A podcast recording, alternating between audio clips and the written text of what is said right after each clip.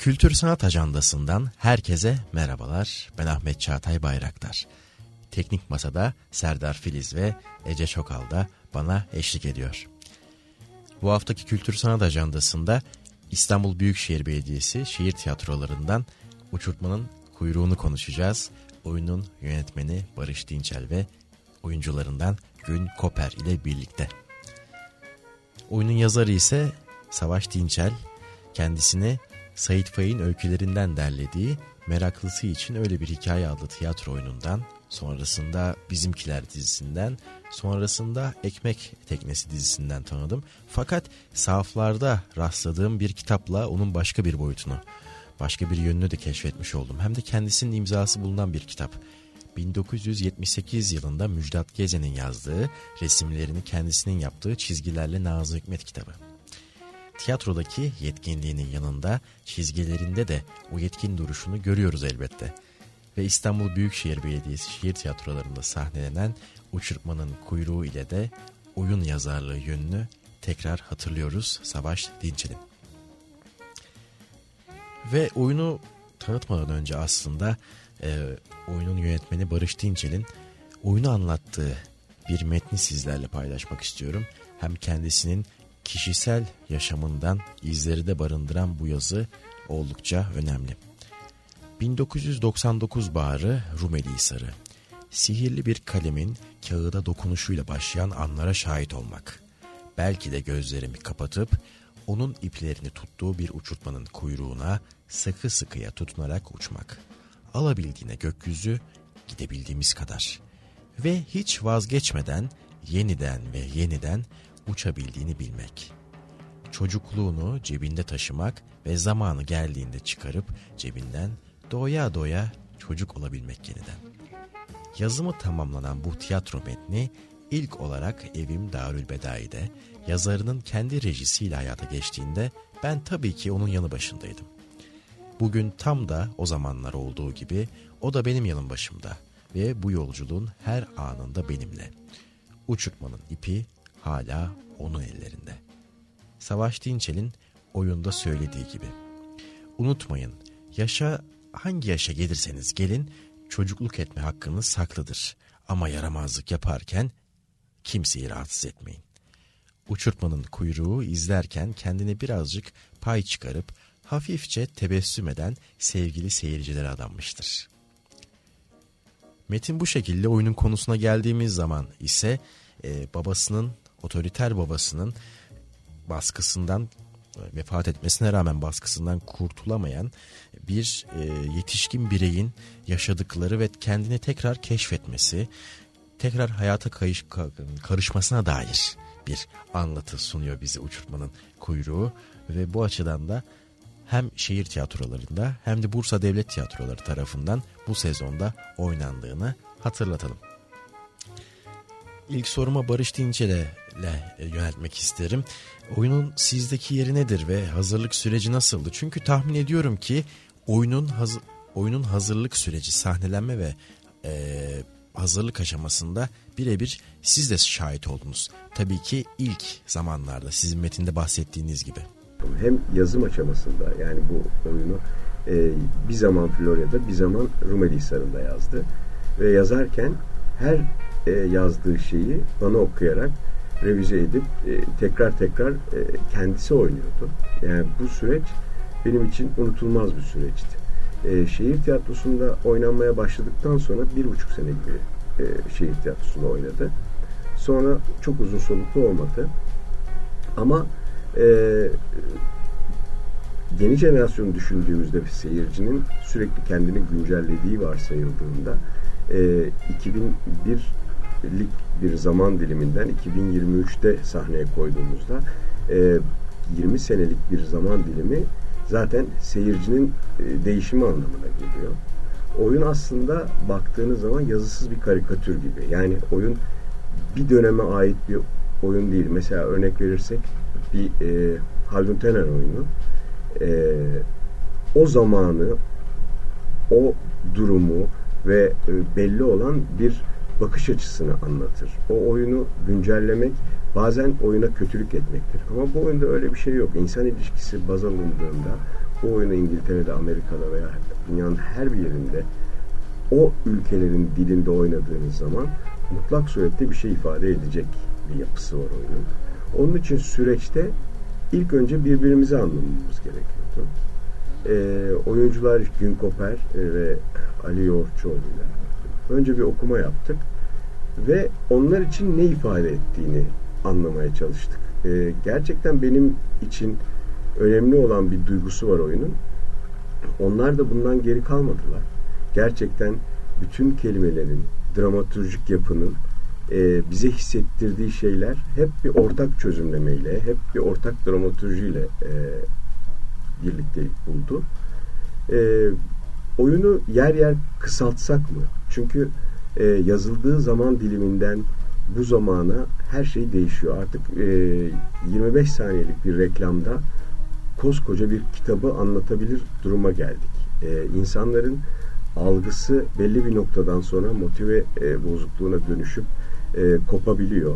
Hani biz e, bu oyunu bir buçuk saatlik bir oyun ama ara dahil bir saat 45 dakika daha aza çekmek, bir saat 20 dakikada bitirmek endişesiyle yapabilir miyiz denedik ama öyle sarmallanmış ve sistematiği öyle güzel oturtulmuş bir yazım tekniğiyle e, oyuncunun hiçbir şeyi boş şey yazarın hiçbir şeyi boşu boşuna yapmadığını anladık. Aradan çıkarttığımız her şey sonra ayağımıza dolandı ve tekrar başa dönüp ya burayı niye çıkarttık biz? Adam zaten düşünmüş biz e, ondan akıllı mıyız ki demeye başladık ki bu zamandaki bir sürü kısaltılmış metnin bence en büyük sorunu bu. Yani çünkü yazar e, gerçekten çok ince düşünerek yazıyor. Bir sürü Shakespeare oyunlarında olsun e, gördüğümüz bir sürü örnekte olsun.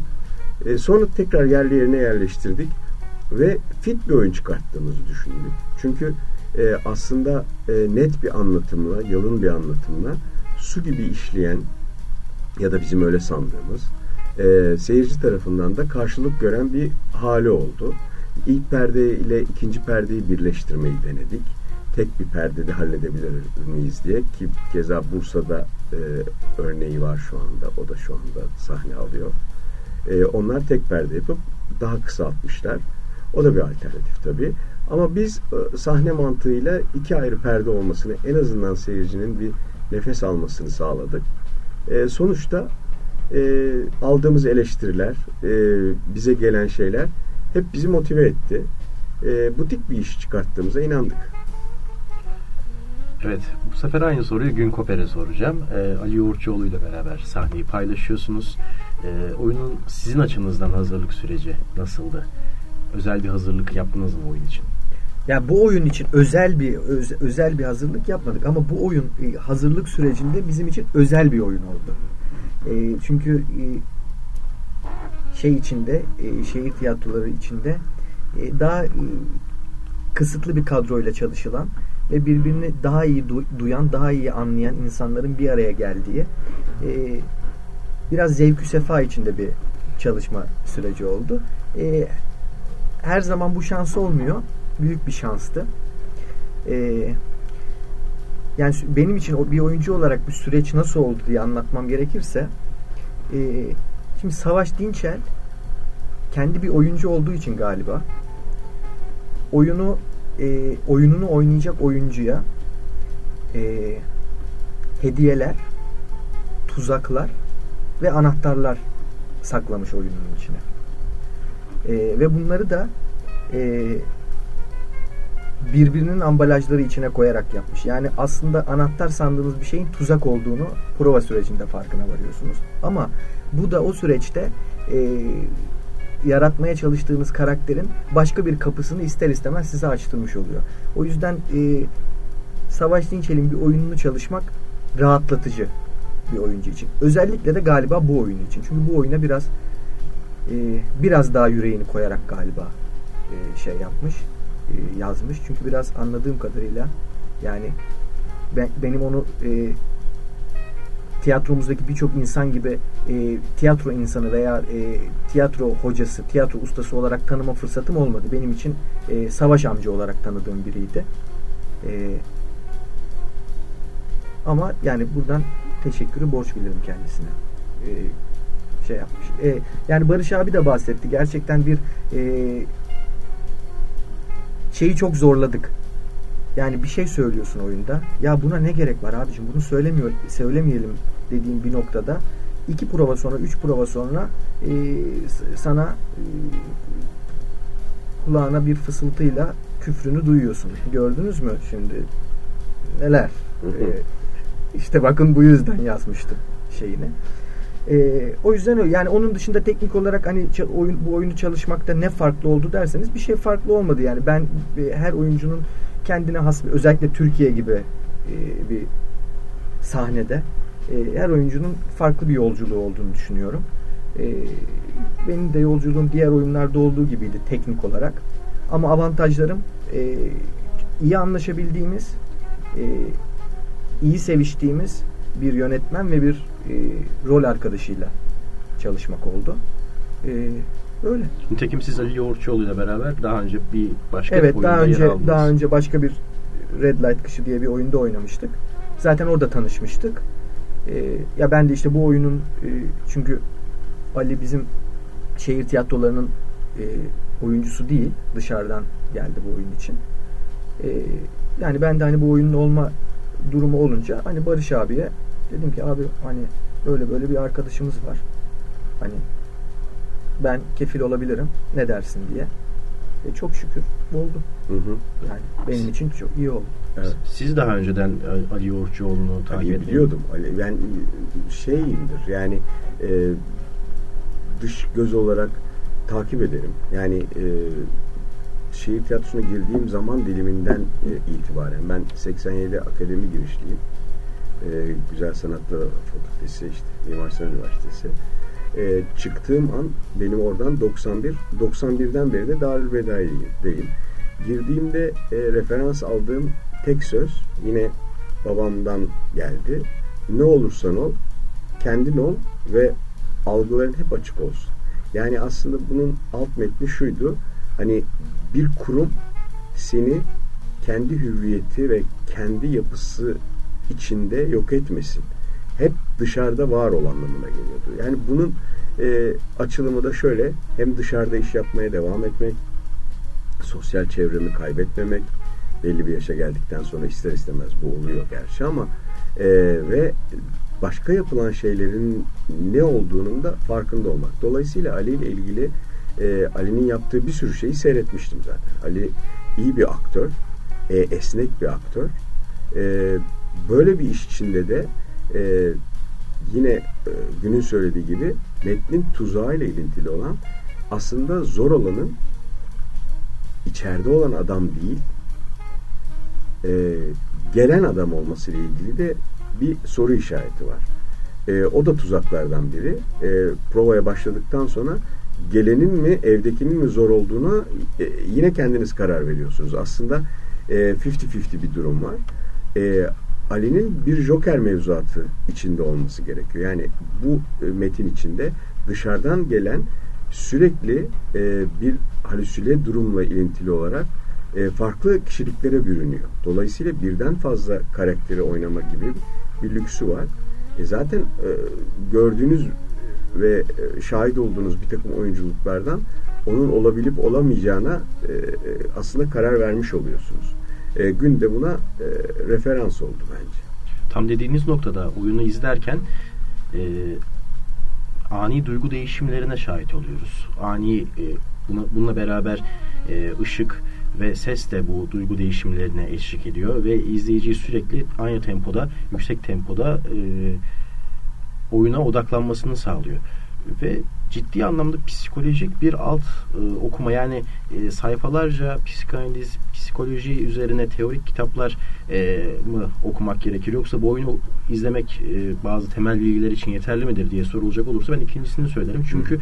ciddi anlamda bir altyapısı söz konusu. E, Savaş Dinçel'in acaba psikolojiye özel bir ilgisi mi var? Çünkü çok yönlü bir sanatçı olduğunu biliyoruz.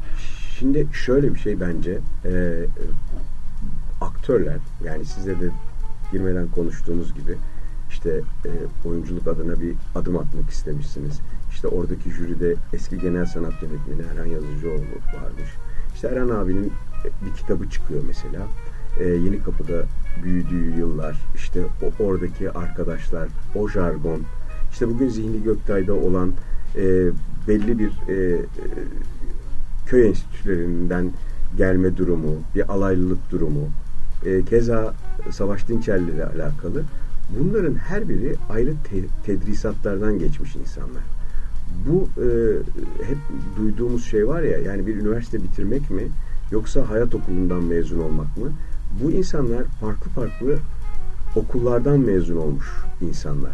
Dolayısıyla e, yeni kapı kültürünü, e, mahalle kültürünü, işte o kabadayılık jargonunu, bir sürü psikolojik durumu irdeleyip cebe koydukları zaman e, böyle bir noktaya geliyorlar. Yani yazdığı zaman dilimi onun e, 55 yaş üstü bir zaman dilimi. Yani belli bir pişmişliğe sahip ve e, o psikoloji ve bugüne kadar gördüğü her şeyi içinde barındıran bir harmanlama söz konusu. Onun için biz zaten böyle bir şeye ikna oluyoruz seyrettiğimizde. Onun anlattığı şeyi e, iyi iki aktöre bıraktığımız zaman, seyirci de buna şahit olduğu zaman zaten e, ikna olunmayacak gibi bir durum olmuyor. E, o, o da yazdığı zaman en çok söylediği şey şuydu. Yani katıksız olması lazım. Yani seyirciyle aktör arasında geçen olaya fazla etki etmemek lazım. Biz mesela müdahil olduk biraz. Yani o geçişlerde e, mekanın beynin içine dönüşmesi, işte o duvarların beynin iki löpü olması gibi bilmem falan atraksiyonlar yaptık. Ama bugün eğer yaşasa ayakkabısını çıkartıp beni e, belli bir müddet e, kovalayabilirdi. Ben onu göze aldım. Çünkü o zaman da buna benzer şeyler. Biraz daha yenilikçi mi yaklaşsak? Orada bir ışık oyunuyla mı? Hayır, aktör halleder deyip e, öyle bir mantık içinde. Onun söylediğinin çok doğru olduğuna inandım. Ama bugünkü güncellemede bir takım atraksiyonlar yapmak gerekliydi bence. Peki burada e, oyuncuların yani iki oyuncunun e, yapması gereken fazladan bir atraksiyon ilave edildi mi? sadece oyunculuk gücüyle alakalı ikna edici bir tavır. Yani biz Ali'den daha fazla bir şey istedik. Ee, Ali daha fazla bir şey vermek, e, daha abartı bir hale bürünmemek için bir e, gardlanma gösterdi bize mesela. E, zaten e, eğitim olarak da ben e, insanların geldiği noktalara çok inanıyorum. Ali dil tarih mezunu. E, Gün İstanbul Konservatuarı mezunu. Mimar Sinan Konservatuarı mezunu. İkisinin de e, eğitim alanları farklı. Dolayısıyla etki tepki olayları daha farklı. Gün daha kolay kabul edici ama içinde fırtınalar yaşadığı için onu e, dışarıya çıkartırken bir sürü eliminasyon yapıyor. E, göstermeci olmamak için de Ali daha farklı bir yol izledi. Dolayısıyla bizim mottomuz şuydu. Mışmış gibi yapmayalım.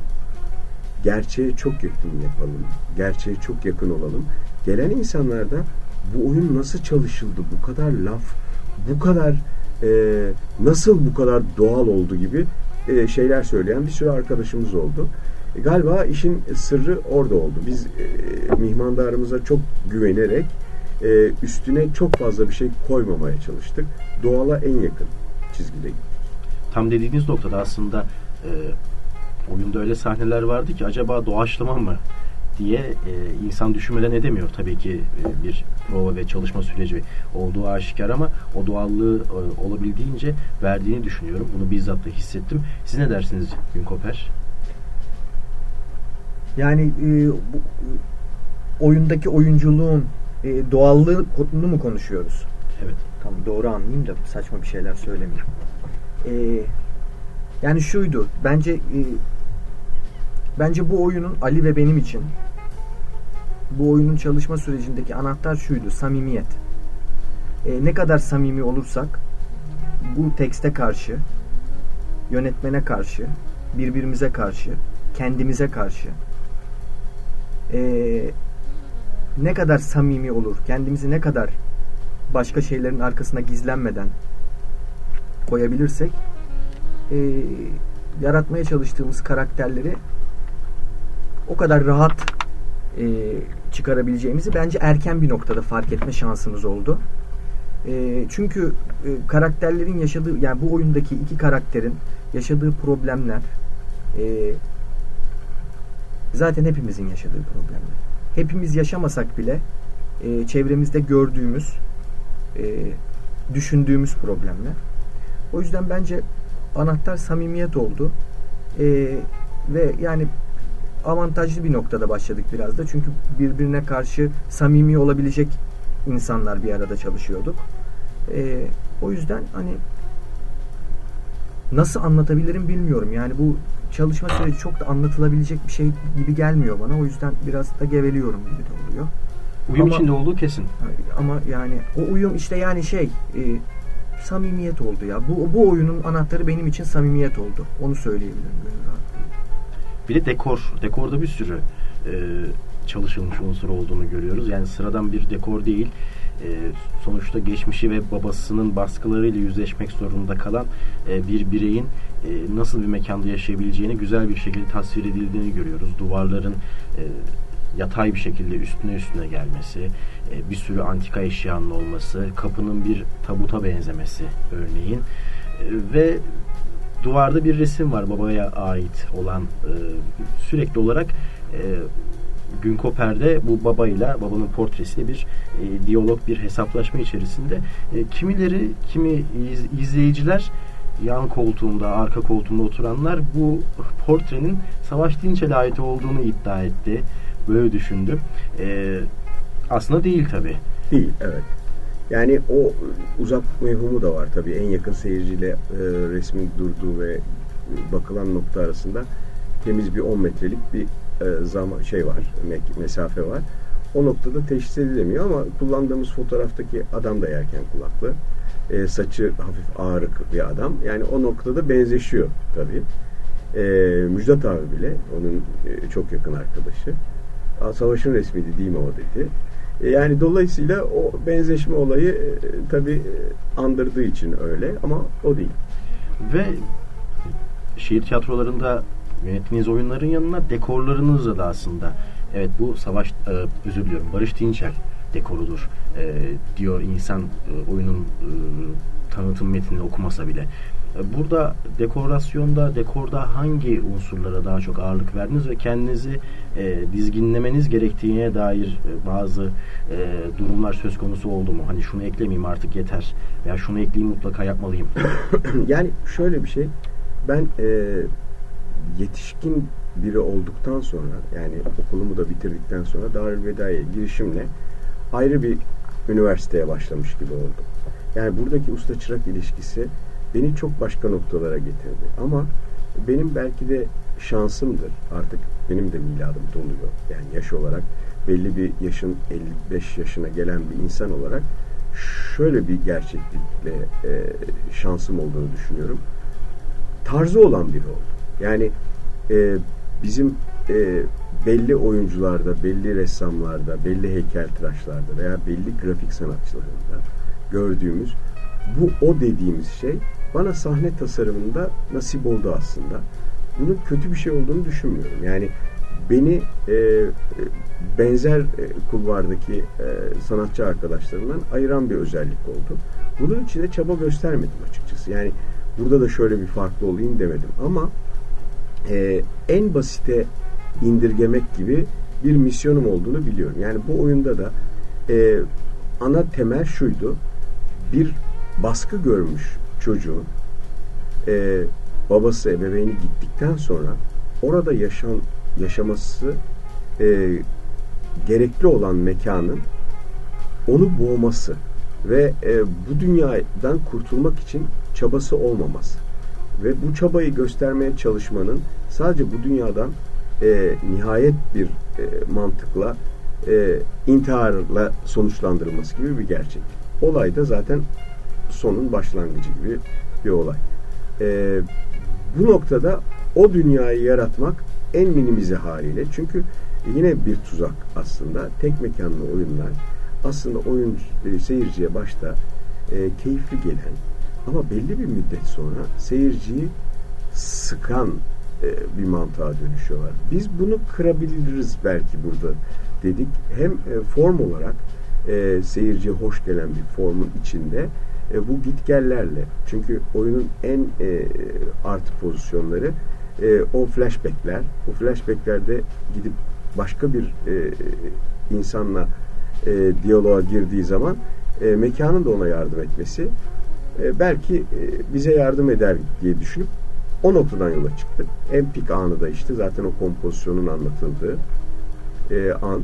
Ama bunu da çok abartıya dönüştürüp bir oyuncak bulduk. Daha fazla e, başka bir hale getirmeyelim istedik. Yani başta konuştuk çünkü adamın gelmesi ve gitmesiyle oyunun finaliyle tekrar her şey düzelebilir mi? Ee, işte veyahut işte o koltuk kök salmış ve kıpırdayamayan bir halde başka bir enstalasyon çalışması gibi olabilir mi gibi bir sürü dramaturjik hamle yapılabilirdi. Ama biz yine e, en basitten yola çıkarak aynı oyunculukta anlattığımız gibi doğalı çok fazla e, bozmadan e, ama çizgi olarak da seyirciye en keyif veren haliyle algılatmak istedik. Cidden baktığımız zaman da dekorasyon tasvir etmem gerekirse e, dinleyicilerimiz için e, dediğim gibi üzeri gelen üzerine doğru gelen duvarlar ve bir koltuk sürekli o koltukta e, muhlanıp kalmışçasına oturan karakterimizin üzerinde e, kahverengi ve evet, sıkıcı bir takım elbise e, söz konusu ve e, anımsadığım kadarıyla oyunun orijinal metninde yaşlı bir adam karakteri var. Doğru mu hatırlıyorum acaba? Orijinal metinden biraz daha genciz açıkçası. Evet. Çünkü... Bunun sebebini merak ettim. Ve şu aklıma geldi e, bir yandan. Artık e, kişinin kendisiyle hesaplaşması, hesaplaştığı çağlar, yaşlar biraz daha gençleşiyor hı hı. günümüzde. Evet. Acaba buna bir gönderme mi? Nedir? Yani e, orada e, yazar olan babamla ilgili konuşmak gerekirse e, öldükten sonra en çok şahit olduğum şey şu oldu. İnsanların hayatına dokunması. İnsanların hayatına dokunmuş. Herkes onun için çok pozitif şeyler söylüyor. Ve aslında herkese arkadaş olmuş. Arkadaş olmanın sihrinin ne olduğunu düşündüğümde de çık çıktığım nokta yaşsızlık. Yani hayatı boyunca e, bir takım insanlara e, bir takım tiyolar verirken veya hayatları hakkında bir takım e, nasihatler verirken bunu yaşla ve kendi geldiği noktayla değil e, tamamen bir arkadaşına bir e, sır verir gibi söylemesi onların hayatına dokunmasına sebep olmuş. Dolayısıyla anlattığı hikayede de yaşın çok büyük bir önemi yok. Her yaşta insan bugün çalışmaya başladığı an itibariyle sıkılabilir, kendi hayatından, kendi yolculuğundan, kendi yaptığı şeylerden monotonize olabilir. Dolayısıyla e, kendi koyduğu 2001 yılındaki oyunda e, koyduğu insanlar e, yine e, 40'lı yaşlarında insanlar. E, bugün baktığımız zaman Ali de e, günde e, 37-38 yaşında e, iki e, birey. E, sonra ölmeye yakın tekrar koyduğu zaman Aykut Taşkın ve İlker Ayrık'ın oynadığı ikinci rejisinde e, yaş olarak e, bizim koyduğumuz yaşlara yakın. Yani kendisi de aslında yaşı tercih etmemiş, yaşlanmayı tercih etmemiş. Bu söylenilen şeyleri bir hayat mottosu ve herkesin başına gelebilecek e, olaylar olarak algılatmış. Dolayısıyla e, metinde tabii ki biraz daha yaşlı gibi duruyor. Yani artık hayatının e, evlenememiş, belli bir yaş almış bir adam anlatılıyor ama e, bu yaşlarda çok aykırı durmuyor orijinal metne. Siz ne dersiniz Gün Koper canlandırdığınız karakter hakkında? Ee, bu adam içerideki adam zaten e, yani karakter adıyla daha doğrusu adı olmamasıyla zaten bir e, şey koyuyor yazar. Yani bu karakterin bir adı yok. Bu karakterin bir adı yok. Bende de bir adı yok. Çünkü bu karakterlerin bir adı yok. Çünkü bu karakterler her yerde. Sen, ben, hepimiz. Yani bu e, sadece bir baba otoritesi değil. Toplumda özellikle bizim toplumumuzda otoriteyle karşılaşmadan, otorite tarafından ezilmeden veya otorite tarafından örselenmeden belirli bir yaşa gelmek mümkün değil. En mutlu çocuklarımız bile e, toplumumuzda öğretilen bir otorite e, tezgahı içinden geçip bir e, noktaya geliyor, bir yaşa geliyor. Şimdi galiba e, Savaş Dinçel'in de problemi yani bunu baba otoritesi üzerinden oyunda cisimleştirmiş ama arada bir sürü başka otoriteler de var.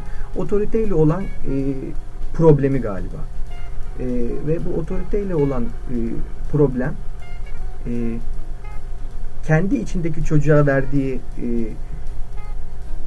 kendi içindeki çocukla yaşadığı aşk dolayısıyla çocukluk mefhumu üzerinden anlatılmış.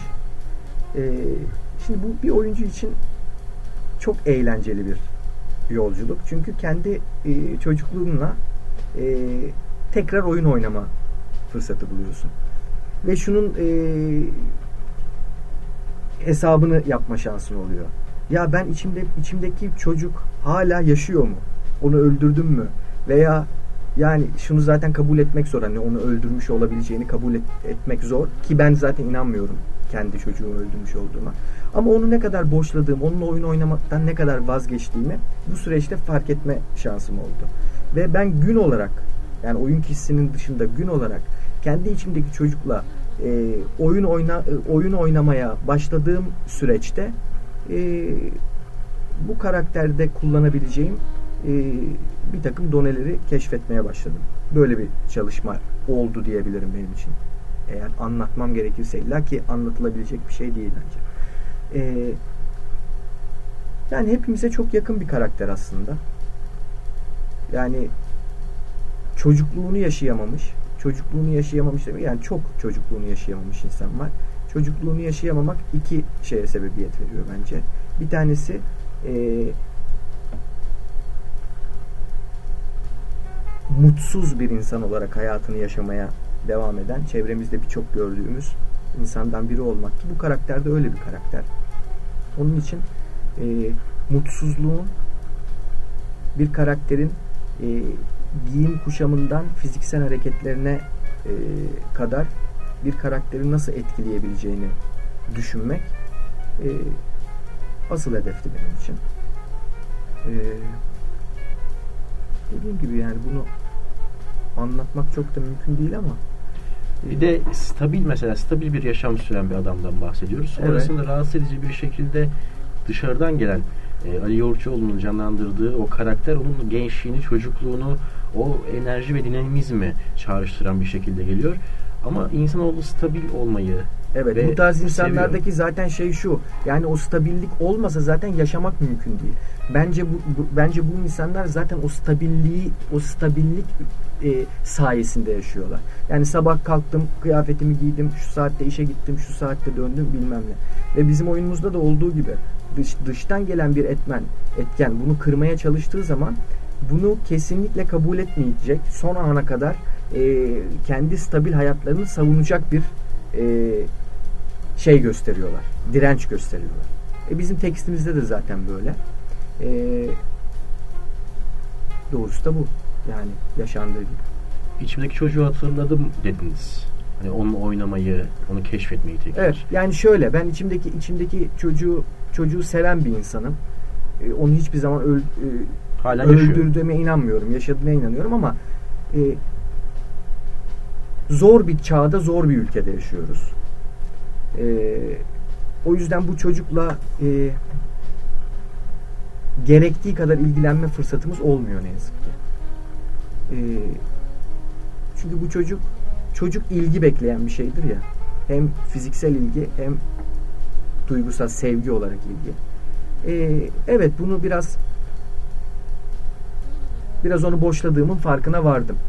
Ama böyle de bir vesile olmuş oldu. Evet, yani böyle bir metin, böyle bir oyun e, oyuncu olarak içinde bulunduğu projenin e, ne anlama geldiğini ve e, ne noktaya getirdiğini bir oyuncu ağzından böyle düşünüyorsak ve duyuyorsak seyirci adına da e, bir şey söylemesi çok net zaten. Yani işte o noktaya getirdiğimiz zaman seyirciyi çıkan herkesin suratında e, bir şeyler bulabiliyoruz. Mesela e, otoriteyle ilgili sorunu vardır. E, belki de yazarın dedi. Yani e, aslında zaten olmasa böyle bir oyun yazamaz. Ama şöyle bir şey işte şehir tiyatrosunda e, görev yaparken bir gün oynadığı oyundan polis tarafından alınıyor. Ve işte o zaman e, Kenan Evren yönetimi e, ve e, atılıyor şehir tiyatrosundan. Belli e, bir takım arkadaşlarıyla beraber. Nitekim çizgilerle Nazım Hikmet kitabı için Müjdat Gezen'le yargılanıyorlar. Evet işte o kitap yazıldığı için zaten e, 1402 yani ancak şehir tiyatrosundan yüz kızartıcı bir e, suçla veyahut e, politik ve siyaseten bir görüşle ilgili e, böyle bir ilişkisi kesiliyor. E, sonra Ali Poyrazoğlu ona e, gel benim tiyatromda oynatıyor. İşte beraber Hoşçakal İstanbul oynuyorlar. Müjdat abi e, Güldür Üretim Merkezi GÜM'ü kuruyor ve gel burada e, birimin başına geç sen karikatürleri organize diyor. Çocukluğuna başka bir şekilde devam ediyor. Yani bir yerden otorite baskı ve en çok sevdiği Darül Bedai'den atılmak var. Bir noktada da o içindeki çocukla haşır neşir olmak, başka bir yetisini hayata geçirmek ve e, oynamaya, e, güldürmeye devam etmek hissiyatı var. E, bunu nerede anladım? Artık e, son hastanedeyiz. Bana dedi ki e, bir şey lazım oldu. Para çekmek gerekiyor. İşte büyük bir hastane yakınında da bir bankamatik var. O dedi ki işte para çeker misin? Tabii dedim. Aldım kartı çıktım ben. Fakat kartın şifresini bilmediğim aklıma geldi. Telefonla bunu aradım. Dedim ki baba kartı şey yaptım ama yani şifre ne? Yaptı. E nedir şifre dedim. Bilirsin sen dedi. Tahmin et. Ya bilmiyorum dedim. Nereden tahmin edeyim? Benim doğumum bu dedim. Yok yok daha önemli bir şey. Benim yani e, senin doğumun tabii önemli de güldük espri yaptı. Arkadan şifresinin 1402 oldu. Ve bunu hayatta onun için ne kadar e, büyük bir travma olduğu çıkıyor. Yani unutamayacağı tek şey o şifre. Yani garip bir şey. Yani insanların e, çocukluğunu otoriteyle kaybetmeye çalıştırmak veyahut işte orada Nazım Hikmet'i çocuksu çizgilerle anlatmaya çalışmak birilerinin bunu yapmaman gerekir e, diktasını, diktesini nasıl kırabiliyor ve ondan sonra temize çıktıktan sonra ileriki zamanda böyle bir oyun yazdığı zaman zaten cevaben de ne kadar güçlü durduğunun resmi olmuş oluyor zaten. Peki siz içinizdeki çocukla ne kadar vakit geçirebiliyorsunuz bu şartlar içerisinde? Gün Koper'in dediği gibi. Ben de aynı şekilde e, benim bir oğlum var 12 yaşında. E, en kızdığım şey e, bir takım yaşıtlarımdan veya işte ebeveyn olan başka arkadaşlarımdan şu lafı duymak. Artık onlar için yaşayacağız yahu. İşte onların hayatı artık bizden geçti. Yok öyle bir şey. Yani bizden geçmiyor aslında. İnsan birey olarak her zaman kendine sahip çıkmalı. Kendine sahip çıkmanın yolu da aslında çocukluğunu kaybetmemekten geçiyor. Ee, ben küçükken oynadığım küçük askerleri, kurşun askerleri, işte e, çok sevdiğim palyaçoları veya bugüne kadar yaptığım maketleri hepsine hala sahip çıkıyorum. Bir atölyem var. Orada kurşun askerlerim var. Ee, bir sürü oyuncaklarım var. Ee, bazen günle buluşup yenilerini almak üzere işte e, bit pazarlarına gidiyoruz. E, internetten takip ediyoruz. E, dolayısıyla insan kendisinin önemini e, kaybetmediği zaman her an onun için zaten kendine sahip çıkmak anlamına geliyor. Seyrettiği filmde, dinlediği şarkıda e, kendini unutmaya başladığı an zaten kendi elinden gidiyor gibi oluyor. E, inandığı bir metne, e, çok sevdiği bir şeye sahip çıkarken de bu işte böyle bir oyunu sahneye koymak da olabilir. E, benden geçmedi daha. Hala söyleyecek bir şeyim var demeye devam etmesi aslında rüzgara karşı durmak anlamına geliyor. Ve doğru insan ne kadar kendine sıkı sıkı bağlı olup kendini geliştirirse hem yaşama tutunmak anlamında hem de kendini e, var etme yolculuğunda kat be kat e, şey, az da olsa bir şeyler kat etme anlamında o yolculuğa devam ederse o kadar daha yaşama bağlı ve çevresine de faydalı oluyor. Bunu hatırlamak bakımından da içimizdeki çocuğu öldürmeyelim, e, yaşatalım e, diyebiliriz aslında. E, ve şunu soracağım. Tabii bir baba oğul ilişkisi oyun ele alıyor. Tabii bunu sadece babalar ve oğullar için değil, anneler ve kızları vesaire vesaire diye çeşitlendirebiliriz. Hani babalarınız da e, konuklarımızın babaları da ünlü sanatçılar. E, Macit Koper, e, Savaş Dinçel e, gibi. Hani babanızla olan ilişkinize dair e, hanımsamalar, hatıralar oldu mu diye sormak isterim Gül Koper'e. Bu oyun sırasında mı? Evet. Yani oldu ama şöyle. Yani benim babamla olan ilişkim çok sevgi ve güven üzerine kurulu bir ilişki. Bu oyunda e, hiç işime yaramadı. Ama e, yani şunu yaşamak güzeldi yani e, yani iyi ki böyle bir babaya sahibim hissi e, şey yaptı. Buradan öperim kendisini. E, yani şey olsa daha iyi olurdu tabii yani. Benim babam da böyleydi abi. Otoriter beni döverdi bilmem ne falan. Hani oyunda işimize yarardı ama e, böyle bir baba ilişkim yoktu ne yazık ki bu oyun için. Neyse iyi ki de olmamış. Evet. Gerek de kalmamış. Çünkü e, dostlar cidden oyunu izley, izleyeceğiniz zaman göreceksiniz.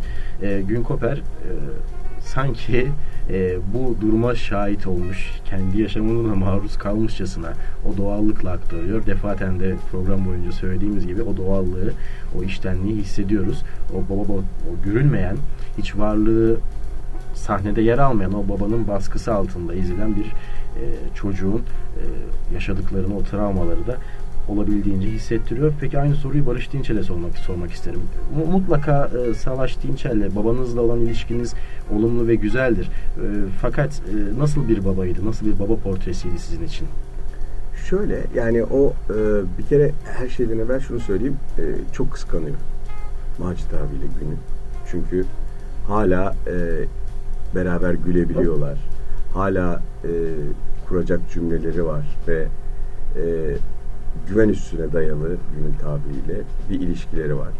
Macit abiyle çalışmak bana da nasip oldu ve e, benim ustalarımdan bir tanesidir.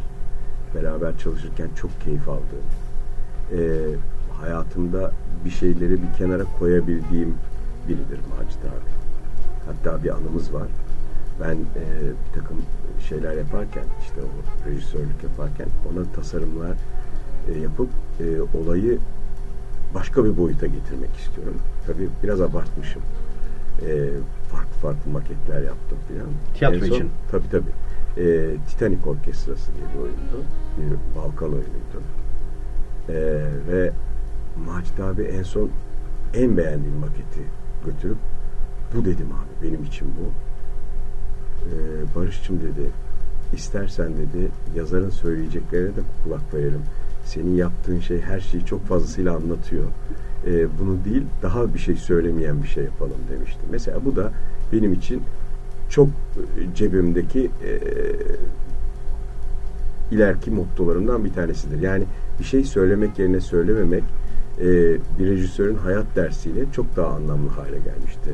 E, dolayısıyla e, Macit Koper'le Savaş Dinçel'in de bir arkadaşlığı var. Ee, babamın yazdığı ilk oyun e, işte Meraklısı için öyle bir hikayenin rejisörü Macit Koper'dir. Ee, Macit abinin yönettiği babamın yazdığı ve babamın oynadığı bir hikayeyi şehir tiyatrosunu 10 küsür yıl e, Gencay Gür'ün e, genel sanat yönetmenliğinde e, seyirciyle karşılık bulmuştur ve çok keyifli oynamışlar. Dolayısıyla aslında aynı yöne bakan adamlar olduğu için e, ve yazılan şeyin insanın başına gelmiş bir şey olarak adetmemek lazım. Yani e, Savaş Dinçer'in yazdığı hikayede Savaş Dinçer kendi babasını yazmıyor aslında. Çünkü dedem de öyle bir adam değil. Ya dedemi çok tanıma şansım olmadı. Çünkü ben 3 yaşındayken vefat etmiş. Ama o hayattaki engel oluşturan her türlü otoritenin, her türlü kuralın karşılığı bir e, figür yaratmış oyunu yazarken. E, dolayısıyla bizim onunla e, arkadaşlığımız baba oğul ilişkisinden daha öndedir. Öndeydi. Hala öyle. Onunla e, gülmeyi, e, onunla oturmayı, onunla içki içmeyi çok özlüyorum. E, onunla ilgili bir anekdot duyduğumda e, oyuncağını yeni bulmuş bir çocuk gibi oluyorum. E, dolayısıyla insan çok sevdiği bir arkadaşından yoksun kaldığı zaman onun yerine bir şey koymak istiyor, birini koymak istiyor. Ama öyle bir şansı olamıyordu. Çok sevdiği birinin yerine birini koyamadığı zaman da onu unutmamayı ve her dakika daha fazla yaşatmayı seçiyor. Umarım çokça yaşayacak hem oyunlarıyla hem kitaplarıyla, eserleriyle. İnşallah. Çok teşekkür ediyorum ben katıldığınız için. Biz teşekkür ederiz. Teşekkürler. Ve tabii sadece İstanbul Büyükşehir Belediyesi şehir tiyatrolarında oynamayacak Uçurtmalı Kuyruğu. Evet. Nerelerde? Ee, şimdi biz bir turneye çıkacağız. Eskişehir turnesine. Ee, dört günlük bir turne. Üç temsil vereceğiz orada. Ee, bizim için çok hoş bir tecrübe olacak. Çünkü şehir tiyatrosunun bir e, yapısı var. E, kozmopolit bir tiyatro. E, gelen seyirciler farklı tandanslardan, farklı ideolojilerden. E, ama Eskişehir turnesinde e, çok genç bir üniversite gençliğine oyun götürüyoruz. Orada e, bulacağımız, e, karşımıza gelecek seyirci portresiyle e, söyleşmek e, bize bir sürü şey kazandıracak. E, garip bir tecrübe olacak Eskişehir. Tarihler?